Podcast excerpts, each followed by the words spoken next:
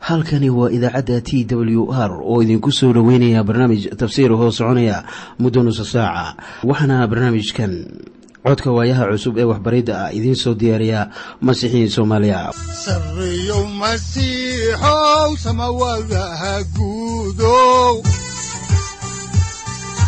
Siraadkii adduunkow subanaha eebow sareyow masiixow samawadaha guudow siraadkii adduunkow subanaha eebow adigoo samaada jiro ifkan soo saldhiganba adigoo samaada jiro ifkan soo saldhiganba kutubtiisanaye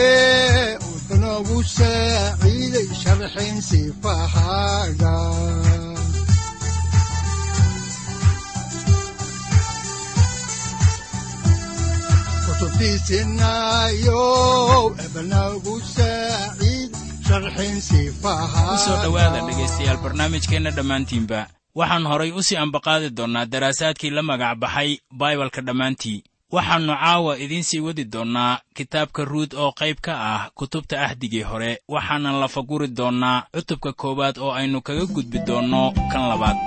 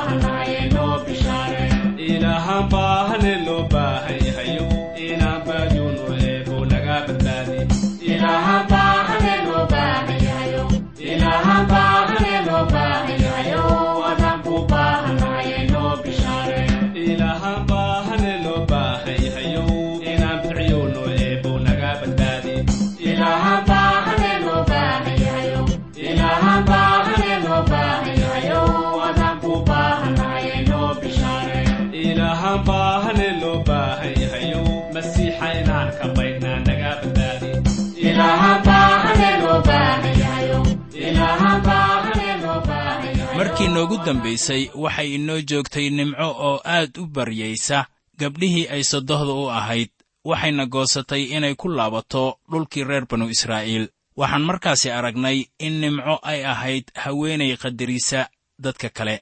Waxaa markaasi halkaasi ka dhacay caloolxumo waa markii ay kala tegayeene. Nimco ayaa waxay u sheegaysaa gabdhihii ay sodohda u ahayd haddii ay sii joogaan dhulka reer mo'aab inay dadkooda guur ka dhex helayaan. Laakiin haddii ay iyada raacaan ayaan helaynin cid guursata. Saddexdan haweenay ah waxay taagan yihiin ama soo gaareen meel ay tahay inay go'aansadaan. Waxa ay yeelayaan mustaqbalka. Nimco waxay goosatay inay aaddo dhulkii reer banu israa'iil. Gabdhahan ay sodohda u ahaydna waa inay go'aan gaaraan inay raacayaan iyada ama inay ka harayaan.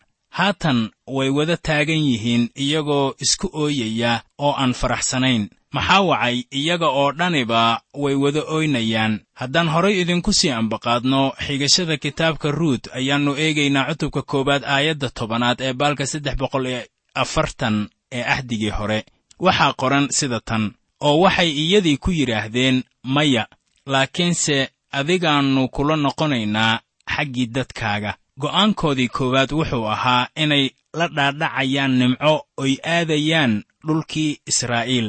Maxaa haddaba taasi xigay? Haddaan horay idinku sii wadno xigashada oo aan eegno aayadda xigta ee kow iyo tobanaad ayaa waxaa qoran sida tan. Markaasay nimco waxay tidhi iska noqda gabdhahaygiiyow bal maxaad ii raacaysaan? Ma wiilal kalaa uurkayga ku hadhay oo niman idiin noqonaya. Soo arki maysid qaabka hadalku uu u socdo. Sharcigii nebi muuse ayaa odhanaya haddii nin uu dhinto waxaa naagtiisii guursanaya kan ugu dhow oo qaraabadiisa ah si magiciisii uu u sii jiro. Oo haddii uu walaal lahaa elimelik waxay ahayd inuu guursado nimco laakiin uurkeeda waxba kuma hadhin haddaba waa sharci yaab leh sharcigaas dumaasha. Inkastoo soomaalidu ay wada garanayaan oo ay isticmaalaan ilaa haatan mar kale ayaannu ku arki doonnaa sharcigaasi oo la isticmaalayo isla kitaabkan ruut waayo qisadanu waa mid khusaysa bixiyaha sokeeyannimo. Waa tan walaalka uu dumaalayo naagta walaalkiisii dhintay. Halkan waxaa jooga nimco oo gabdhihii niyad qaboojinaysa. Waxayna ku leedahay waa sidee? Haddii aad i raacdaan guur ka heli maysaan waddankayga. Dadkaygu idin garan maayaan. Dhib baana la kulmaysaan waxaanad noqonaysaan kuwa laga faano waayo innagu isma guursanno reer mo'aab. Haddaan horay idinku sii wadno xigashada oo aan eegno kitaabkii ruut cutubka koowaad aayadda laba iyo tobanaad ayaa waxaa qoran sida tan. Iska noqda gabdhahaygiyow oo iska taga waayo waan ka gaboobay inaan nin guursado. Haddii aan odhan lahaa weli rajaan qabaa iyo haddii xitaa aan caawa nin guursado ee haddana wiilal aan dhalo haddaba ma waxaad sugaysaan ilaa ay ka koraan. Haddaba nimco waxay ku adkaysanaysaa gabdhaha inay dhulkoodii joogaan. Way u caddaysay oo waxay leedahay xitaa haddii aan wiilal kala dhalo anigoon weliba rajo badan lahayn hase yeeshee aan dhalo ma waxaad sugaysaan intay ka korayaan. Haddaba sidaas suuragal ma ahan. Haddaan horay idinku sii wadno xigashada kitaabka oo aan eegno aayadda saddex iyo tobanaad ayaa qaybtan ugu dambaysa waxaana qoran sida tan. Oo ma sidaas baad isaga daynaysaan inaad niman guursataan gabdhahaygiyow maya waayo taasaan aad uga xumaanayaa idinka aawadiin waayo waxaa igu soo baxay gacanta rabbiga. Soo arki maysid ilaah wuxuu xukumay qoyskii nimco. Waxayna leedahay waa inay u adkaysataa taas mana aysan doonayn inay raacaan iyada sababtaas aawadeed. Haatan mar kale ayaannu eegaynaa qorniinka oo aan idin akhrinaynaa kitaabka ruut cutubka koowaad aayadda afar iyo tobanaad. Waxaana qoran sida tan markaasay codkoodii kor u qaadeen oo haddana way ooyeen. Corfaahna sodohdeed bay dhunkatay ruutse way ku soo dhegtay. Waxaannu haatan soo gaarnay kala taggii saaxiibayaal waxaan idiin sheegayaa sida ay u ahamiyad ballaaran tahay go'aanka la gaaray maalintaas oo saamaynayay in ciise masiix uu ku dhasho beytlaxam iyo in kale. Haddii aan go'aanka hagaagsan maanta la gaarin ayaa laga yaabaa inaad odhan lahayd war raggii xikmadda lahaa ee u soo socday beytlaxam ma ahan inay yimaadaan waayo masiixu kuma dhalanayo beytlaxam innaga inoola muuqan mayso wax sidaas u weyn go'aankan maanta la gaarayo laakiin wuxuu saamaynayaa in masiixu uu ku dhalanayo beytlaxam iyo inuuna ku dhalanaynin. Maxaa wacay? Haddii ruut oo ahayd daa'uud ayeeyadiis ayaan u soo raacin nimco dhulkeeda. Markaas hawshu way marin habaabi lahayd laakiin ilaah taas oggolaan maayo. Haddaba corfaah waxay goosatay inay iska joogto waddankeeda waana sidii nimco ay doonaysay haddaan horay idinku sii wadno xigashada kitaabka oo aan eegno kitaabkii ruut cutubka koowaad aayadda shan iyo tobanaad ayaa waxaa qoran sida tan. Oo nimco waxay ku tidhi bal eeg dumaashida waxay ku soo noqotay dadkeedii iyo ilaaheedii. Haddaba adna dumaashida ka daba tag. Haddaba corfaah waxay goosatay inay dib ugu noqoto reerkii hooyadeed iyo aabbaheed. Go'aankeeda ah inay ilaaha baaqiga ah dadkiisa ku darsanto ma ahayn mid xaqiiqa ah. Soo arki maysid waxay dib ugu noqotay asnaam caabudkeedii. Markii ay dib u noqotay waxay kaloo ka baxday qorniinka oo kol dambeetana magaceedii lama arag. Laakiin ruut go'aan bay gaartay oo ilaah bay go'aankeedii ku dooratay. Go'aankii ay gaartay wuxuu iyadu u noqday mid weligiis ah oo aan dhammaad lahayn. Waxaad markaasi magaceeda ku arkaysaa baalka ugu horreeya ee axdiga cusub. Waxayna soo gelaysaa abtirka masiixa nimco way tijaabinaysay bal inay garato in jaceylkeeda uu yahay mid dhab ah iyo in kale. Waxay ku tidhi gabadhaydiyey dumaashidaa iska raac. Haddaan horay idinku sii wadno xigashada kitaabka ruut ayaannu eegaynaa aayadda lix iyo tobanaad ee cutubka koowaad waxaana qoran sida tan. Kolkaasaa ruut waxay ku tidhi ha iga baryin inaan kaa tago oo aan kaa noqdo oo aanan ku raacin. Maxaa yeelay meeshii aad tagtid waan tegi doonaa meeshaad degtidna waan degi doonaa dadkaaguna wuxuu noqon doonaa dadkayga ilaahaaguna wuxuu noqon doonaa allahayga. Waxay ruud goosatay go'aan dhaxalgal ah. Go'aankeedu waa mid toddoba goor la dhereriyey waana mid ilaah lagu raacay. Haddii aad maqashaan toobadkeen dhab ah waa midka caynkan oo kale ah. Waa toobadkeen macno leh waana waxa laynoogu sheegayo kitaabka axdiga cusub. Warqaddii labaad ee rasuul bawlos uu u qoray dadka korintos cutubka toddobaad aayadda tobanaad ee baalka saddex boqol kow iyo labaatan ayaa waxay odhanaysaa sida tan. Maxaa yeelay caloolxumaanta ah sida ilaah uu doonayo waxay keentaa toobada xagga badbaadada ee aan laga qoomamayn laakiin caloolxumaanta dunidu waxay keentaa dhimasho. Haddaan horay idinku sii wadno kitaabka ruut cutubka koowaad aayadda toddoba iyo tobanaad ayaa waxaa qoran sida tan. Meeshaad ku dhimatid ayaan ku dhiman doonaa oo halkaasaa laygu aasi doonaa. Rabbiga sidaas ha igu sameeyo iyo ka sii badanba haddii aniga iyo adiga dhimasho mooyaane wax kaleeto ay inakala kaxeeyaan. Haddaba kaasu wuxuu ahaa go'aankii toddobada goor lagu noqday. Markii koowaad waxay tidhi waxaan tegi doonaa meeshaad tegtid go'aankeedii labaadna wuxuu yimid markii ay tidhi meeshii aad degtidna waan degayaa. Go'aankeedii saddexaadna wuxuu ahaa dadkaaga waa dadkayga. Waxaanay la mid tahay inay leedahay dadkayga iyo asnaam caabudkooda waan ka soo tegay oo waxaa laygu shaabadaynayaa dadkii ilaah. Go'aankeedii afraad wuxuu yimid markii ay ku tiri nimco ilaahaaga waa allahayga. Waxa taasu ay noqonaysaa ama lagu fasiri karaa in isla markii ay la kulantay qoyskan reer beytlaxam ay go'aan ku gaartay inay caabuddo ilaaha baaqiga ah ee keliya ee qoyskaasi uu lahaa. Markaana go'aankeedu waa horreeyey oo ma ahan mid ay hadda gaartay. Markii nimco ay goosatay inay dhulkeedii ku noqoto markaasay waxay ku tidhi nimco ilaahaagu waa allahayga.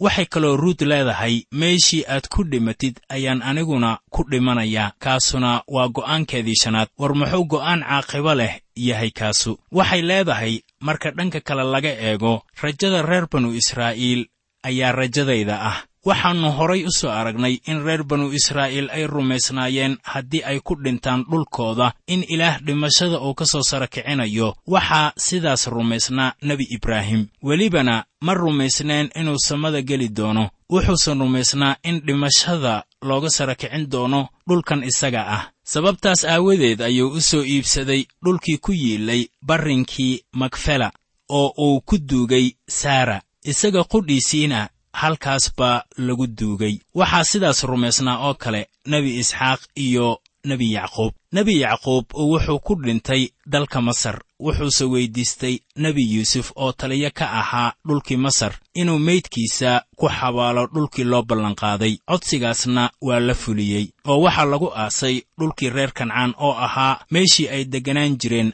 aabbihii iyo awowgii. Waxay rumaysnaayeen markii halkaasi lagu aaso inay dhimashada ka sara kacayaan. Waayo sida qorniinku uu leeyahay waxay filanayeen magaalo aasaas leh oo kan dhisay oo sameeyey uu ilaah yahay. Waxaa taasu ay ku qoran tahay warqaddii cibraaniyada cutubka kow iyo tobanaad aayadda tobanaad. Taasuna mar bay dunidan ka dhici doontaa oo la arki doonaa. Ruut ma odhan oo keliya meeshii nimco ay ku dhimato ayaan ku dhimanayaa laakiin waxay kaloo leedahay meeshii lagugu aaso ayaa laygu aasayaa. Kaasuna waa go'aankii lixaad. Sidaad arkayso rajadeedu waxay noqonaysaa dhulka reer banu israa'iil isla sidii nebi ibraahim nebi isxaaq iyo nebi yacquub ay ahaayeen. Waxay iminka haysataa rajada ay wada lahaayeen ambiyadii axdigii hore. Go'aankeedii toddobaadna wuxuu ahaa kan ay tidhi rabbigu sidaas ha igu sameeyo iyo ka sii badanba. Haddii aniga iyo adiga dhimasho mooyaane wax kaleeto ay ina kala kaxeeyaan. Waxay gaartay go'aan kale oo caaqibo leh oo waxay leedahay marka dhanka kale laga eego go'aankan maalin qura ma aanan gaarin amase saacad qura ma aanan gaarin. Waxay leedahay ruud go'aankan waa mid aan gaaray oo aan isbeddelaynin weligii. Waxa aynu ku arkayno noloshii ruud waxa weeye toobadkeen dhab ah iyo run qayaxan. Waxaannu baryaha kan maqalnaa dad ka hadlaya toobadkeen waxayna la tahay in toobadkeenku uu noqonayo in la yara ilmeeyo laakiin waxaa bawlos uu inoogu sheegayaa warqaddii labaad ee reer korintos cutubka toddobaad aayadda tobanaad sida tan maxaa yeelay caloolxumaanta ah sida ilaah uu doonayo waxay keentaa toobada xagga badbaadada ee aan laga qoomamayn. Laakiin caloolxumaanta dunidu waxay keentaa dhimasho. Haddaba su'aashu waxay noqonaysaa waa maxay caloolxumaanta dunidu? Taasu waxa weeye tan ilmada layska keeno iyadoo layska dhigayo in ilaah loo soo noqday. Bal aynu iminka eegno saddexdii haweenka ahaa ee kala tegayey iyagoo taagan halkii ay ku go'aansan lahaayeen mustaqbalkooda. Corfaah way la oyday oo xagga ilmada waxba ma ay dhaamin ruud. Haddaba waa maxay farqiga u dhexeeya labadan haweenka ah ee reer mo'aab? Kala duwanaanshaha labadan hablood waa mid muuqda. Corfaah aad bay u oyday laakiin oohinteedu ma ahayn tii toobadda maxaa haddaba noqonaya ama la odhan karaa waa toobadkeen dhab ah. Haddaba ereyga giriigga ah ee loo isticmaalay warqaddii labaad ee rasuul bawlos uu u qoray dadkii korintos cutubka toddobaad aayadda tobanaad ayaa ahaa metano'iya waxaana macnaha rasmiga ahi uu noqonayaa in la beddelo maanka. Waxaa taasu ay ka micno tahay iyadoo la beddelayo jahadii loo socday oo la aadayo jaha kale. Markii xaalkan oo kale uu la soo gudboonaado dadka qaar ayaa waxaa muuqanaya inay go'aan gaaraan. Waxay doonayaan isbeddel iyagoo odhanaya waynu beddelaynaa jihada aannu u soconno. Wakhti yar bay ilmeeyaan laakiin jihadii ay u socdeen ma beddelaan. Taasina waa wixii corfaah ay samaysay. Xoogaa bay la oyday ruud laakiin uma aysan soo jeesan dhanka baytlaxam oo go'aankeedu ma ahayn inay ilaah u soo jeesato waxayse dib ugu noqotay asnaam caabudkeedii sidii dadkeeduba ay ahaayeen. Haddaba waxaa iyada la mid ah dad badan oo iska dhiga inay toobad keeneen laakiin aan ilaah u soo jeesan. Waxaa jira dad afka markii ay kala qaadaan ay kula noqonayso inay ilaah jecel yihiin. Laakiin xagga ku adkaysashada ilaah aan sidaas u itaal badnayn. Markii ay hadlaan waxaa hadalkooda ka buuxa waxyaabo ku caloolxumaynaya laakiin ma lahayn awood ay ku sii haystaan wixii ay rumaysteen. Waxaa jira kuwa aan iscalool xumaynin oo aan ilmo daadinin laakiin wixii ay rumaystaan ku sii adkaysta. Haddii aad aragto qof is-ooyinaya waxay u badan tahay inuuna qofkaasi lahayn rumaysad sii jiraya. Marka loo eego qofka aan is-oohinin ee ilaah u soo jeesta haddaba ruud waxay goosatay go'aan dhab ah oo ay ilaah ku raacayso. Waxay leedahay waxaan aqbalay saboolnimada iyo inaan ahaado qof la liido. Waxaan kaloo aqbalay ay leedahay inaan carmal sii ahaado taasoo ah xaqaa'iqa noloshayda waxay raalli ka noqotay in waxyaabahaasi oo dhan ay ku dhacaan iyadoo ay ugu wacan tahay go'aankeeda ay ilaah ku dooratay. Waxay go'aansatay inay nimco ula noqoto beytlaxam. Iminka ayay nimco ogaatay ruud waxa ay tahay. Haddaan horay idinku sii wadno xigashada kitaabka ayaannu iminkana eegaynaa kitaabkii ruud oo qayb ka ah kutubta ahdigii hore cutubka koowaad aayadda siddeed iyo tobanaad. Waxaana qoran sida tan oo nimco markay aragtay inay aad iyo aad ugu adkaysatay inay raacdo ayay hadalkii ka daysay. Waxay garanaysay in gabadhani markii ay wax go'aansato go'aankeedu uu ahaa mid aan isbeddelaynin oo ay ku adkaysanayso. Markaana hadalkiibay ka daysay markaana qisada ayaynu horay u sii wadaynaa. Waxaanan iyaga u raacaynaa amaba aan ula sii soconaynaa beytlaxam. Waxaanan idin akhriyaynaa kitaabkii ruut cutubka koowaad aayadda sagaal iyo tobanaad. Waxaana qoran sida tan. Sidaas daraaddeed labadoodiiba way israaceen ilaa ay yimaadaan beytlaxam. Oo markay beytlaxam yimaadeen magaaladii oo dhammu way ku soo ururtay. Oo dumarkiina waxay yidhaahdeen tanu ma nimcaba iminka ayay ku soo noqotay waddankeedii waxaana la socda ruut qoyskii u ambabaxay dal shisheeye ee caasiyiinta ahaa ayaa ku soo noqday dhulkoodii. Laakiin haatan qoys ma ahan. Sida daacadda ah nimco ayaa soo noqotay iyadoo ay la socoto gabar shisheeye ah oo la yidhaahdo ruut. Dadkii magaaladana waxay lahaayeen tanu ma nimcaba haddaan horay idinku sii ambaqaadno kitaabka ruut ayaannu eegaynaa cutubka koowaad aayadaha labaatan ilaa kow iyo labaatan qaybteeda hore. Waxaana qoran sida tan oo iyana waxay iyagii ku tidhi ha iigu yeedhina nimco laakiinse waxaad iigu yeertaan maara waayo qaadirku wuxuu ila macaamilooday si qaraar.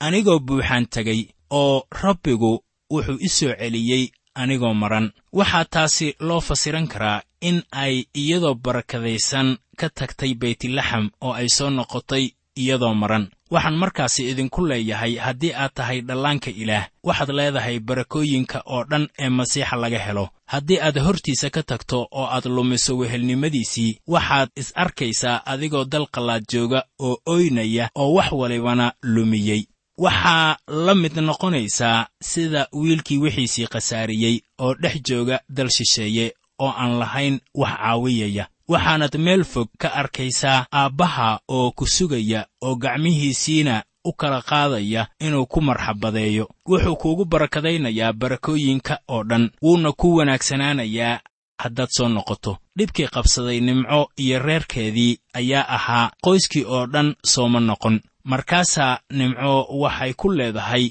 macrifadeedii ha iigu yeedhina nimco waayo waxaan ahay bay tidhi mid aan faraxsanayn. Haddaan dhammaystirno aayadda kow iyo labaatanaad ayaa qaybteeda dambe waxaa ku qoran sida tan. Haddaba maxaad iigu yeedraysaan nimco? Maxaa yeelay rabbigu waa igu marag furay oo qaadirku waa i dhibay. Waxay kula noqonaysaa inay magaceedii u beddelayaan maara laakiin uma ayaan bixinin maara markaa nimco way soo noqotay. Waxaana ilaah uu leeyahay waxaa loogu yeedhi doonaa nimco tii farxadda badnayd. Haddaan horay idinku sii wadno oo aan soo gebagabayno cutubkan ayaa waxaa ku qoran cutubka koowaad aayadda laba-iyo labaatanaad sida tan. Sidaasay nimco iyo ruut tii reer mo'aab ee ay sodohda u ahaydba u noqdeen oo waxay ka soo laabteen waddankii mo'aab oo beytlaxam ayay yimaadeen markay goosashada shaciirku bilaabatay. Haddaba waa wakhti wanaagsan oo lagu soo noqdo beytlaxam.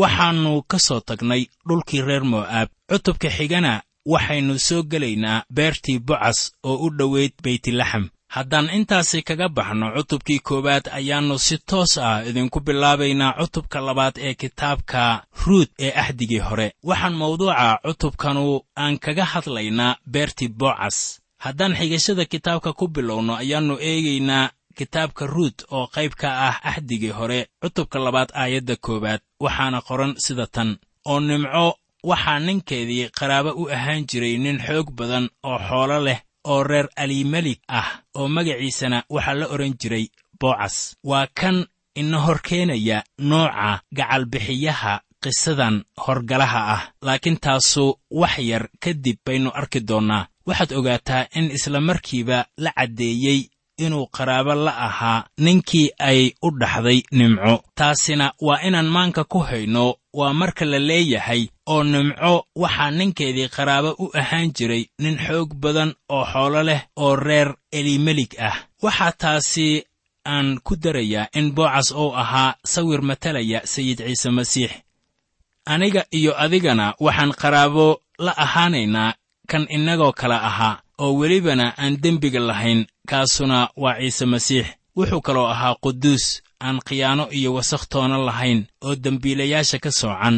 Waa kan awooda inuu dembiilaha ugu xun badbaadiyo. Haddaba magaca boocas haddii aynu fasirno wuxuu noqonayaa mid xoog badan. Wuxuu ahaa nin xoog badan oo hodan ah. Waxaad kaloo u beddeli karaysaa nin xoog leh oo dagaalyahan ah. Waxaa kaloo uu noqon karaa nin xoog leh oo sharciyaqaan ah. Saddexdaas magacba boocas waa loogu yeedhi karaa. Wuxuu ahaa nin xoog ku leh dagaalka iyo mid hodan ah oo sharcigana ku xoog badan waana kii iminka layna baray. Wuxuu ahaa qoyskii reer elimelik haddaan horay idinku sii wadno kitaabka cutubka labaad aayadda labaad waxaa qoran sida tan. Markaasaa ruut tii reer mo'aab waxay nimco ku tidhi bal iddaa aan beerta tage oo kii iga raalli noqda intaan raaco aan haruur ka soo xaabxaabe oo iyana waxay ku tidhi gabadhaydiyey tag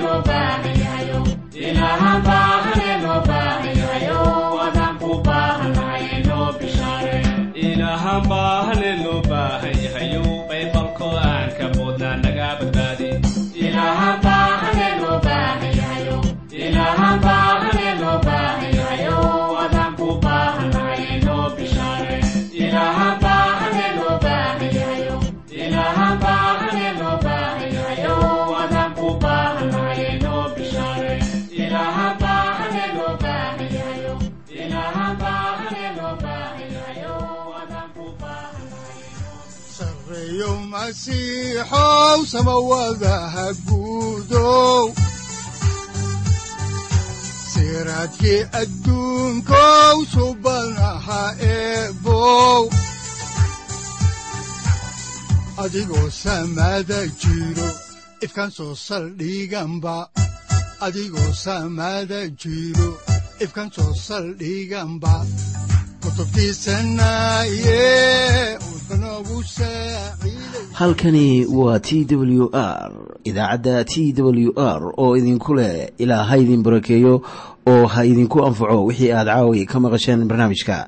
Waxaa barnaamijkan oo kalea aad ka maqli doontaan habeen dambe hadahan oo kale haddiise aad doonaysaan in aad fikirkiina ka dhiibataan wixii aad caawi maqasheen ayaad nagala soo xiriiri kartaan som t w r at t w r c o k e haddii aad doonaysaan in aad dejisataan oo kaydsataan barnaamijka ama aad mar kale dhegaysataan fadlan mar kale booqo www t w r o r g amase www t t b t w r o r g.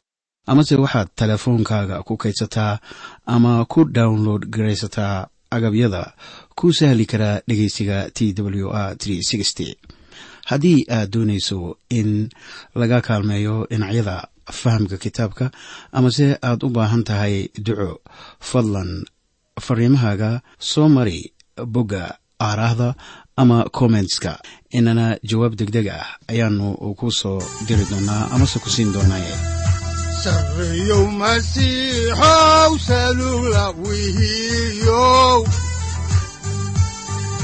saacadda timid dhulka sabada ku dhalatiyo